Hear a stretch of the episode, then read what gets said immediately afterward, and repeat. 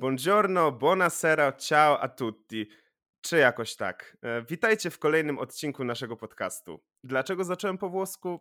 No bo dzisiejszy odcinek można by nazwać specjalnym. Już za kilka dni rozpocznie się nasza tegoroczna przygoda z Eurowizją, która tym razem odbyła się właśnie we Włoszech. O naszych planach, nadziejach i przewidywaniach porozmawiam z członkami redakcji portalu Eurowizja.org oraz już niedługo moimi współlokatorami z turyńskiego apartamentu, Kasią Leśniewską Ciao. oraz Mieszkiem Czerniawskim. Hej wszystkim! Nie przedłużajmy, zaczynajmy. 12 punktów. Podcast Eurowizja.org. Na początku może warto zaznaczyć, że w tym roku trochę zmieniły się zasady przyznawania akredytacji na Eurowizję i nie każdemu udało się ją dostać. Ale tej dwójki szczęśliwców to nie dotyczy. Mieszko będzie pracować z centrum prasowego, a Kasi przyznano akredytację zdalną. Moi drodzy, powiedzcie proszę, jak nastroje? Gotowi na przygodę? I czy może was coś niepokoi przed wylotem? Mnie niepokoi osobiście bardzo strajk kontrolerów lotów, gdyż do Turynu wybieram się już w niedzielę, znaczy najpierw wybieram się do Rzymu, zacząć moją włoską przygodę i bardzo niepokoi mnie to, że mogę tam e, nie dolecieć.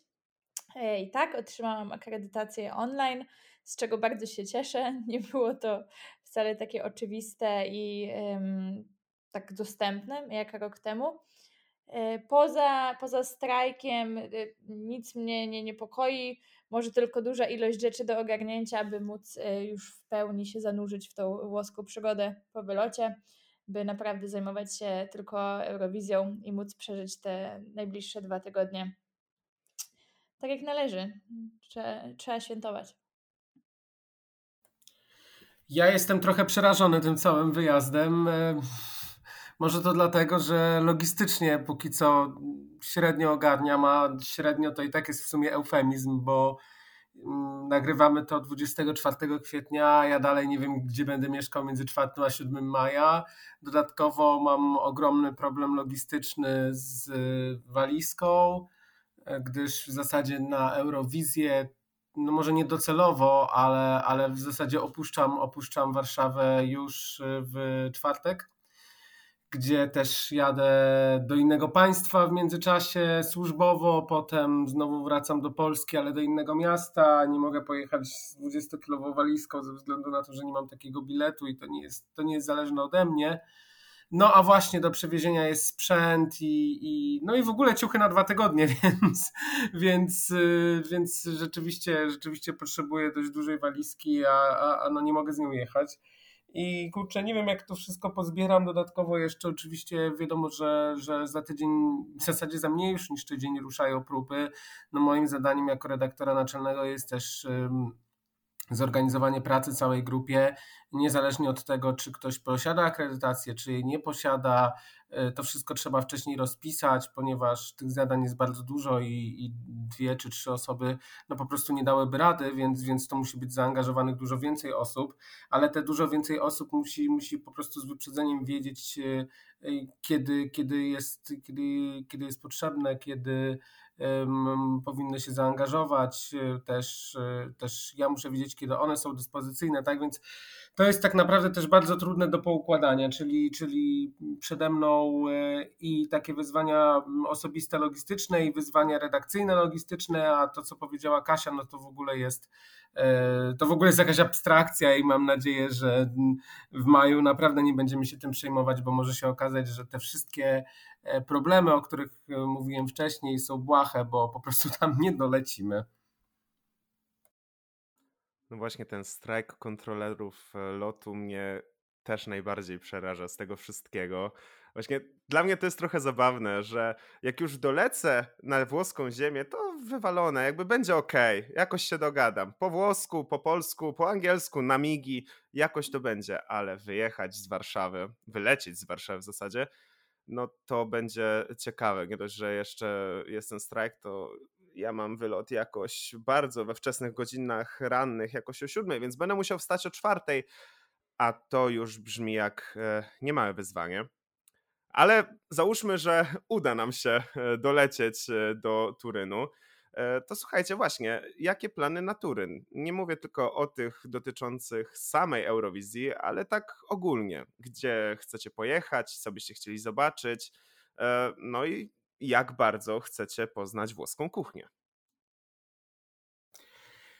Plany na Turyn. Szczerze powiedziawszy, właśnie, ze względu na różne inne problemy, to, to, to, to o tych turystycznych rzeczach zupełnie jeszcze nie myślałem. Wiem, że w Turynie są dwa muzea. Muzeo, Muzeum e, Fiata i Muzeum Lawatcy. No i tutaj powstaje konflikt, bo ani nie interesują mnie samochody, ani nie piję kawy. Natomiast gdybym miał wybrać jedno z dwóch, na pewno bym wybrał chyba Muzeum Fiata, bo to tak y, bardziej historycznie, jeśli chodzi o, o, o Polskę i, i właśnie na przykład o, o, o Fiata 125P, czyli malucha, który, y, którego też pamiętam gdzieś tam z młodości, z, z polskich ulic więc, więc to bym wybrał. Też powiem szczerze, ja nie jestem jakimś tam fanem Włoch na Eurowizji i nie interesuję się za bardzo Sanremo, nie czuję kultu tego festiwalu, chociaż osobiście myślę, że fajnie byłoby się wybrać do tego, do tego miasteczka, zobaczyć y, ten teatr z bliska. Pewnie nie uda się wejść, ale, ale może chociaż jakby właśnie być tam pod tym teatrem, gdzie rozgrywane jest zawsze Sanremo i, i, i poczuć chociaż taką namiastkę tego wydarzenia. Ale też y, myślę, że jeżeli dobrze pójdzie, jeżeli będzie na to czas, obawiam się, że przypadku moim i tej akredytacji stacjonarnej to będzie trudno z tym czasem, ale gdyby był na to czas, to chętnie bym też, też pojechał gdzieś w okolice Włoch, czyli do Francji albo właśnie do Szwajcarii, właśnie gdzieś blisko granicy, w duże ośrodki miejskie, bo nie ukrywam, że gdybym wybierał Włochy, to myślę, że nie wybrałbym Turynu, raczej celowałbym w południe, więc jeżeli już jestem na północy, a w zasadzie na północnym zachodzie, to fajnie byłoby mieć okazję tak zeksplorować, zbadać Y, całą okolicę i, no i po prostu zobaczyć, bo czuję, że taka druga szansa może się nie, nie wydarzyć, bo wybiorę inne lokalizacje na świecie, jeśli będę miał tylko taką możliwość. No właśnie, pasta, pizza, bella Italia, kawa, tiram, kawa tiramisu, aperol. E, to są na pewno moje plany, których się nie mogę doczekać. E, nie mogę się doczekać, aż będziemy sobie pili gdzieś tam kawusie rano, aperola wieczorem i tak e, żyli w tej włoskiej fantazji. Ja akurat bardzo lubię Włochy i, i włoską kulturę, włoskie jedzenie, architekturę również. E, jestem bardzo ciekawa Turynu, jak on wygląda.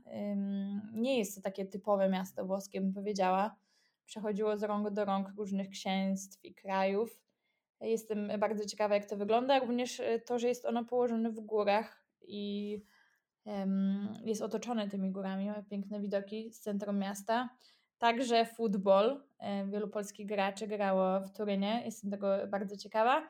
O Muzeum Fiata nie słyszałam, ale szczerze mówiąc, to wpisujcie mnie na listę.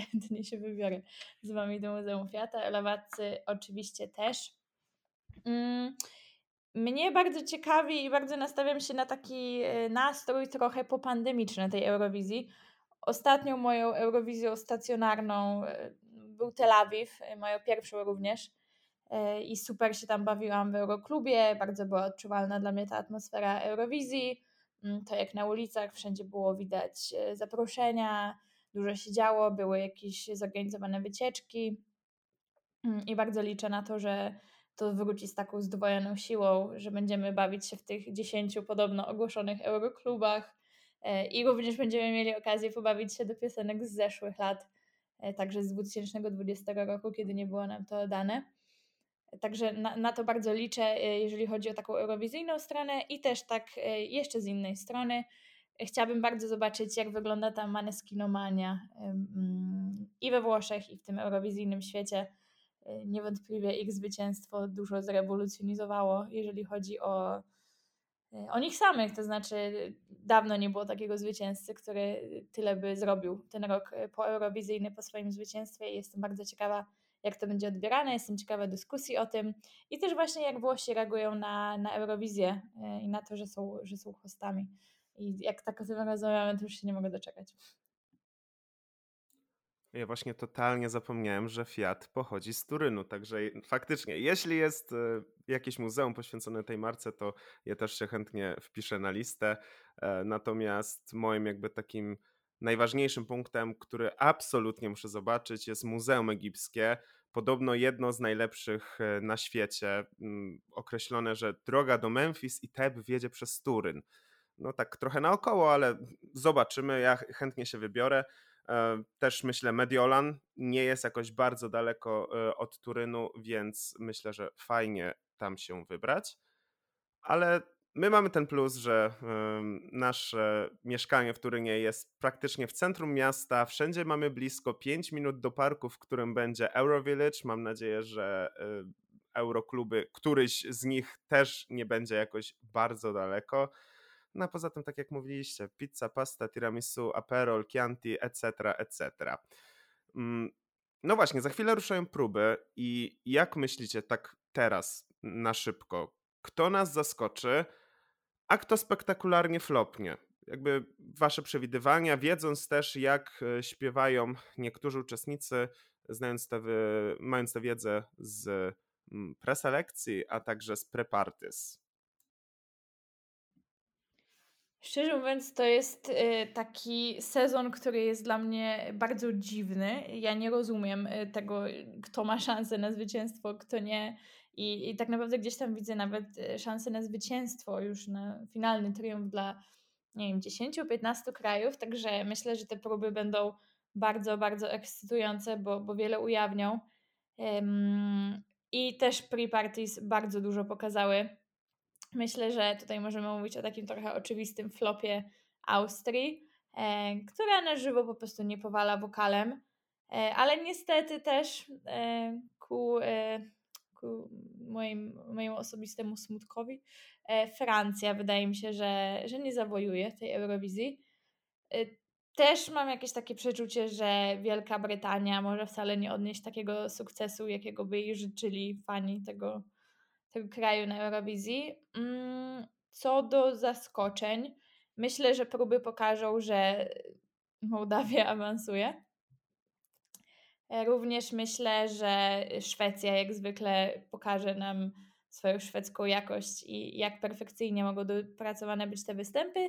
I też myślę, że będzie to takie w pewnym sensie rozwiązanie zagadki, czy ta Szwecja będzie w top 3, czy będzie walczyć o zwycięstwo, E, z jakimi szansami. Bardzo, bardzo jestem ciekawa próby włoskiej. Włosi gdzieś tam królują u bookmacherów od Sanremo, a tak naprawdę niewiele ich widzieliśmy później. Jestem bardzo tego ciekawa. Mm, tak troszkę randomowo, ale bardzo mnie ciekawi próba San Marino i tego, że jest to włoski de facto artysta, ale reprezentuje San Marino, e, mały kraj. Jestem bardzo ciekawa, jak to będzie. No i tak, i bardzo, bardzo, bardzo wyczekuję na te próby. Myślę, że ciężko będzie nam się oderwać gdzieś tam od, od laptopów, od telefonów, e, bo one bardzo dużo pokażą. Tak. Z tymi próbami w tym roku też e, jest e, problem, a może nie tyle co problem, tylko one będą bardziej limitowane niż w poprzednich latach ze względu na zmiany Mm, zmianę podejścia Europejskiej Unii Nadawców. E, wspomniałeś Tomku o akredytacjach na początku. No tutaj konsekwencją tego jest też mm, konsekwencją tego jest też ograniczenie, jeśli chodzi o to, co będzie streamowane dla dziennikarzy eurowizyjnych. E, mówię o tym, bo to gdzieś tam może padło w internecie, ale, ale może nie każdy, kto nas słucha, ma tego świadomość, że e, tak naprawdę będziemy mieli w tym roku dwie rundy prób, oczywiście potem będą próby samych koncertów.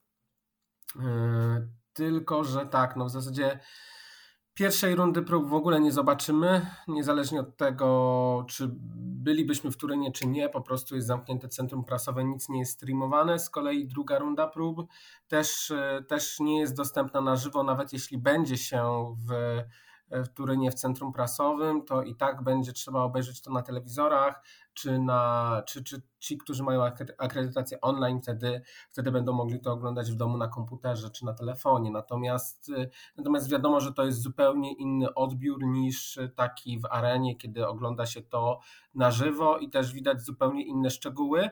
I oczywiście to też ma swój, swój, swój sens, bo oczywiście w telewizji zobaczy się te szczegóły, te prace kamer, która będzie widoczna na, na tych telewizorach, ale wiadomo, że, że gdy ogląda się um, takie widowisko, środowisko z bliska, face to face, z areny, to zupełnie inne ma się odczucia o danej piosence i myślę, że też, czy danym występie, myślę, że to też zawsze było ciekawe dla Was, dla, dla naszych słuchaczy, czytelników, e, widzów, że mogliście dowiedzieć się, jak to wygląda w arenie, jak to wygląda z tej perspektywy, a nie na przykład na krótkim nagraniu, które będzie udostępnione w tym roku na TikToku po, po, po danej próbie.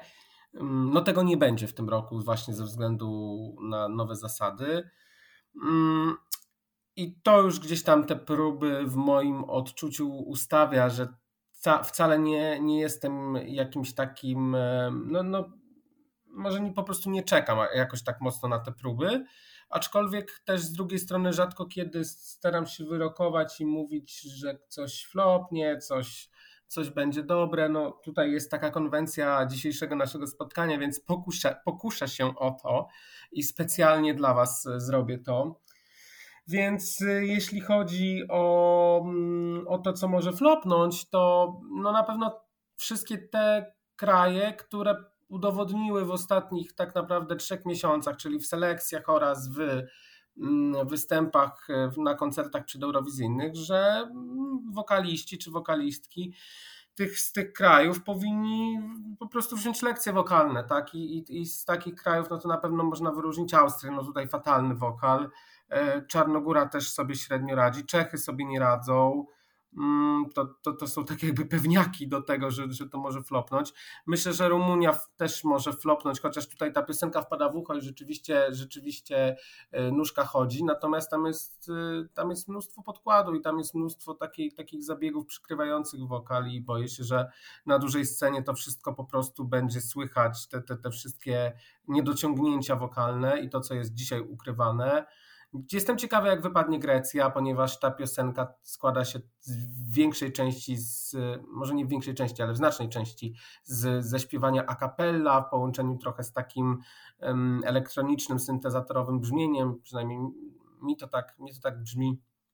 Mm, więc jestem ciekawy, czy e, mając dużą scenę i, i, i będąc właśnie w arenie, e, Amanda to udźwignie, bo tutaj rzeczywiście mm, idąc w akapella trzeba, trzeba mm, się liczyć z tym, że się ma po prostu świetny wokal, tak? I, i, i tu już musi za tym iść konkret. Zobaczymy właśnie, jak to będzie, to będzie wyglądało.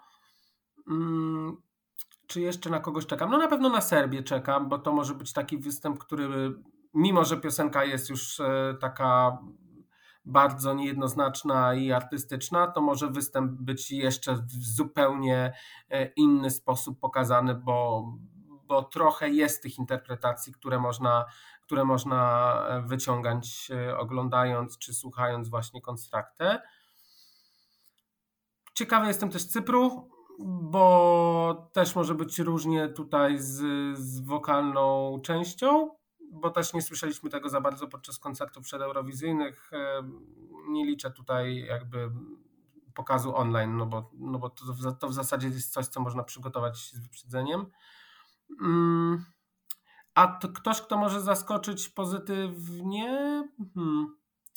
No nie wiem, mam nadzieję, że Polska nas zaskoczy pozytywnie, bo oczywiście, że jest dużo obaw dotyczących tego, jak Krystian wystąpi. Też y, w ostatnich dniach zmagamy się, mogę tak powiedzieć, z tym, że wszystko, wszystko jest owiane tajemnicą, niespodzianką. I z jednej strony ja się z tym zgadzam, to jest dobry pomysł, bo oczywiście to buduje napięcie i zainteresowanie. Pod względem medialnym to jest super sprawa, natomiast wiadomo, że to też rodzi właśnie te, te emocje niepewności, strachu, e, co zobaczymy na scenie. A jak pamiętamy, w lutym te wszystkie elementy towarzyszące Krystianowi podczas selekcji nie do końca do siebie pasowały i tło, i te bębny, i te piaski. No mam nadzieję, że, że trochę to będzie inaczej wyglądało i, i ten występ, który zostanie przygotowany, nie będzie, nie będzie odwracał uwagi od wokalu, a będzie delikatnym dopełnieniem. Czyli, że będzie prosto, może nie klasycznie, ale prosto, e, symbolicznie, a nie właśnie E, bardzo tak bajracko. O, może tak to ujmę. No i nie mogę się oczywiście w jakiś sposób doczekać e, Turynu. No ja przyznam, że Austrię i Czechy mam bardzo wysoko w swoim e, osobistym rankingu, więc chyba nie pozostaje mi nic innego, jak tylko liczyć na cud, że może jeszcze przez te dwa tygodnie nauczą się śpiewać. Natomiast, e, natomiast jeżeli chodzi o flopy, no to zdecydowanie San Marino. No, Achille jest bardzo kontrowersyjnym artystą i no, w kościach czuję, że on coś przygotował takiego, że będzie się o tym mówić. Mm, oczywiście Czarnogóra, mm, tu jakby zasłużona nagroda Barbary Dex, gdyby ta nagroda istniała w tym roku. E, I spodziewam się flopa Wielkiej Brytanii, bo jednak hmm, wiemy, że BBC no nie ma talentu raczej do e, stagingów i jeżeli pan śpiewa o kosmosie, no to ja się spodziewam jakiejś rakiety, jakiegoś wystrzelenia go w kosmos, coś takiego. Z zaskoczeń myślę, że Gruzja może nas zaskoczyć, bo to jest troszeczkę vibe z 2016 roku, gdzie Nika Koczarow też był bardzo nisko w wielu rankingach fanowskich, e, a potem wow, super, fantastyczne. No i ten finał jednak był. Oczywiście też Polska. Bardzo liczę na pozytywne zaskoczenie. No i właśnie, tak na koniec pogdybajmy sobie, co by było, gdyby Polska zajęła miejsce w czołowej piątce, albo nawet dalej, co by było, gdyby Krystian Ochman wygrał Eurowizję 2022? Na pewno byłyby tłumy na lotnisku i nie odpędzilibyście się od y, fanów i dziennikarzy. Mówi, nie odpędzilibyście się, bo wiem, że część y, z Was, w tym Ty Tomku, wracacie mm, tym samym samolotem z Krystianem do Warszawy. Także, także może być bardzo ciekawie. Natomiast y, nie wiem, no, życzyłbym rzeczywiście Polsce, żeby, żeby kiedyś udało się wygrać. Myślę, że tak obiektywnie może to nie być jeszcze w tym roku, ale nie wiem, no może kiedyś, kiedyś się uda i w sumie każdy dobry wynik, każdy wynik w czołowej dziesiątce będzie tak naprawdę pracował na popularność Eurowizji, a to jest bardzo ważne. Taka popularność systematyczna i to, żeby, żeby ta ranga Eurowizji w Polsce wzrastała, żeby złamać raz na zawsze ten krążący stereotyp, że to jest festiwal piosenki jarmarcznej, biesiadnej, takiej właśnie oderwanej od rzeczywistości, bo to się w ostatnich latach bardzo zmieniło i oczywiście ja ubolewam, że Eurowizja, ale to niestety właśnie wynika z tego, jak inne kraje wybierają uczestników. To nie wybiera, to nie wynika z, samy, z samego, samego konceptu koncertu, że, że niektóre kraje po prostu cały czas jakby kopiują jakieś trendy, które na przykład dwa lata temu były modne w Stanach Zjednoczonych albo w ogóle w światowej muzyce rozrywkowej, ale są, są też, też kraje, są też y, brzmienia, y, które z jednej strony są właśnie zbliżone do, do danej kultury, do tradycji danego narodu, ale też właśnie takie, które, które kształtują trendy, tak jak Moneskin, który, którzy wypromowali ten rodzaj muzyki na nowo i dali nowe tchnienie e, temu, temu gatunkowi, też w ogóle młodym ludziom e, w, na Eurowizji, młodym ludziom występującym w konkursach. Tak więc, tak więc e, to jest, to jest jakaś taka cała nadzieja w tej Eurowizji dlatego jakoś tak mam wrażenie, że gdyby udało się Krystianowi zająć wysokie miejsce, to, to, to, to byłoby na pewno dobre dla, dla Eurowizji w Polsce. Obawiam się, że zupełnie odwrotnie mogłoby być, gdyby, gdyby ten balonik pękł i Krystian na przykład zajął 20 miejsce i tutaj myślę, że wtedy, wtedy zaczęlibyśmy się my mierzyć jako, jako też Eurowizja.org z ogromną falą hejtu i, i na nas, i na Krystiana, i na Eurowizję i, i, i, i nawet nie chcę sobie wyobrażać, do czego, do czego mogłoby to doprowadzić i w ogóle odciągam te myśli e, od siebie, bo, bo nie chcę, żeby tak było. Mm. No i tak, I, i myślę, że dobry wynik Krystiana przysłużyłby się wszystkim i pewnie też samemu Krystianowi, bo, bo, bo dzięki temu też na pewno łatwiej byłoby mu o jakieś kontrakty nie tylko polskie, ale może właśnie europejskie. Czekają nas ym, tygodnie, dwa albo więcej takiej radości eurowizyjnej, bo myślę, że Polska zajmie bardzo, bardzo dobre miejsce. E, myślę, mam taką nadzieję, że ten występ, który trzymany jest w tajemnicy, będzie bardzo profesjonalny, dopracowany i taki rzeczywiście, z którego będziemy mogli być dumni i będzie też takim, taką dobrą zaliczką na to, czego możemy spodziewać się w związku z tym w przyszłych latach. E, I mam nadzieję, że czekają nas e, takie tygodnie, gdzie o tej Eurowizji będzie się mówiło w Polsce, gdzie będziemy zwracać uwagę na to, jak sobie radzi, gdzie może jeszcze troszkę podpompujemy ten balonik, ale raczej tak, że po prostu redakcje, które na co dzień nie mają nic wspólnego z Eurowizją albo bardzo mało, e, będą o tym mówić, pisać, że będziemy w mediach polskich obserwowali takie śledzenie drogi Krystiana Ochmana w Turynie i mam nadzieję, że to się przełoży właśnie na taką fajną atmosferę, gdzieś tam ocieplenie wizerunku. E, myślę, że Eurowizja w Polsce już dużo zyskała właśnie na, na fali zwycięstwa zespołu Moneskin, w ogóle na zeszłorocznej edycji. Myślę, że ona się szeroko gdzieś tam odbiła e, w mediach. I właśnie mam taką nadzieję, że w tym roku Polska też pokaże, że tak, chcemy się w to bawić, bierzemy to na poważnie i, i wysyłamy coś dobrego, coś naszego. E, także myślę, że myślę, że nawet jeżeli to będzie, nawet to w ogóle śmiesznie brzmi, ale jeżeli to będzie miejsce w top 10, to możemy się tych tłumów na lotnisku spodziewać i, i to będą jakieś tam fajne emocje. E, I zacznie to, mam nadzieję, jakąś nową e, epokę. Gdyby Krystian wygrał, aż to, aż to niesamowicie tak brzmi, dziwnie się czuję w ogóle mówiąc tak, to myślę, że mielibyśmy taki, takie jakieś pojednanie narodowe. Myślę, że bardzo byśmy to przeżywali. Myślę, że mielibyśmy taki efekt, który często jest przy imprezach masowych, jakie się dzieją w danym kraju, tak jak było Euro 2012 w Polsce i trochę wszyscy tym żyliśmy. Myślę, że tutaj też by było takie chociaż, nie wiem, dzień, dwa poruszenia. Myślę, że dużo byśmy o tym e, mówili. E, mam nadzieję, że kiedyś tego dożyjemy, doświadczymy, że, że Polska wygra tą Eurowizję ale póki co myślę, że, że i tak jest nieźle, i tak będzie nieźle. E, I mam nadzieję, że my też e, w Turynie będziemy przeżywali takie fajne emocje związane z zainteresowaniem wokół delegacji polskiej. E, tak, będzie dobrze. Liczę, że wybór Krystiana Ochmana w tym roku na naszego reprezentanta na Eurowizji otworzy jakąś dobrą eurowizyjną passę mm, dla Polski. Mam nadzieję, że to będzie bardzo dobry staging, no bo o bardzo dobry wokal chyba nie musimy się obawiać i że po prostu zajmiemy jak najlepsze miejsce. No, powrót e, razem z Krystianem, tak jak Mieszko e, wspomniałeś, e, no może być bardzo ciekawy, jeżeli zajmiemy jakieś naprawdę wysokie miejsce. E, mam nadzieję, że jednak da się opuścić w miarę szybko to lotnisko, bo dzień później na ósmą rano do pracy, no ale może szefostwo wybaczy tak przy okazji. No i czego, co, co pozostaje? Możemy tylko chyba życzyć e, Krystynowi jak najlepszego wyniku, także zwycięstwa. Dlaczego nie? Powiedzmy to e, głośno i wyraźnie. No przecież z ziemi włoskiej do Polski.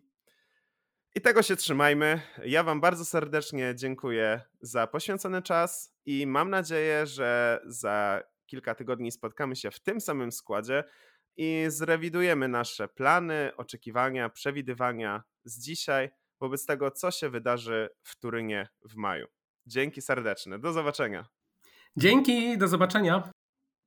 Dzięki, cieszcie się tą Eurowizją.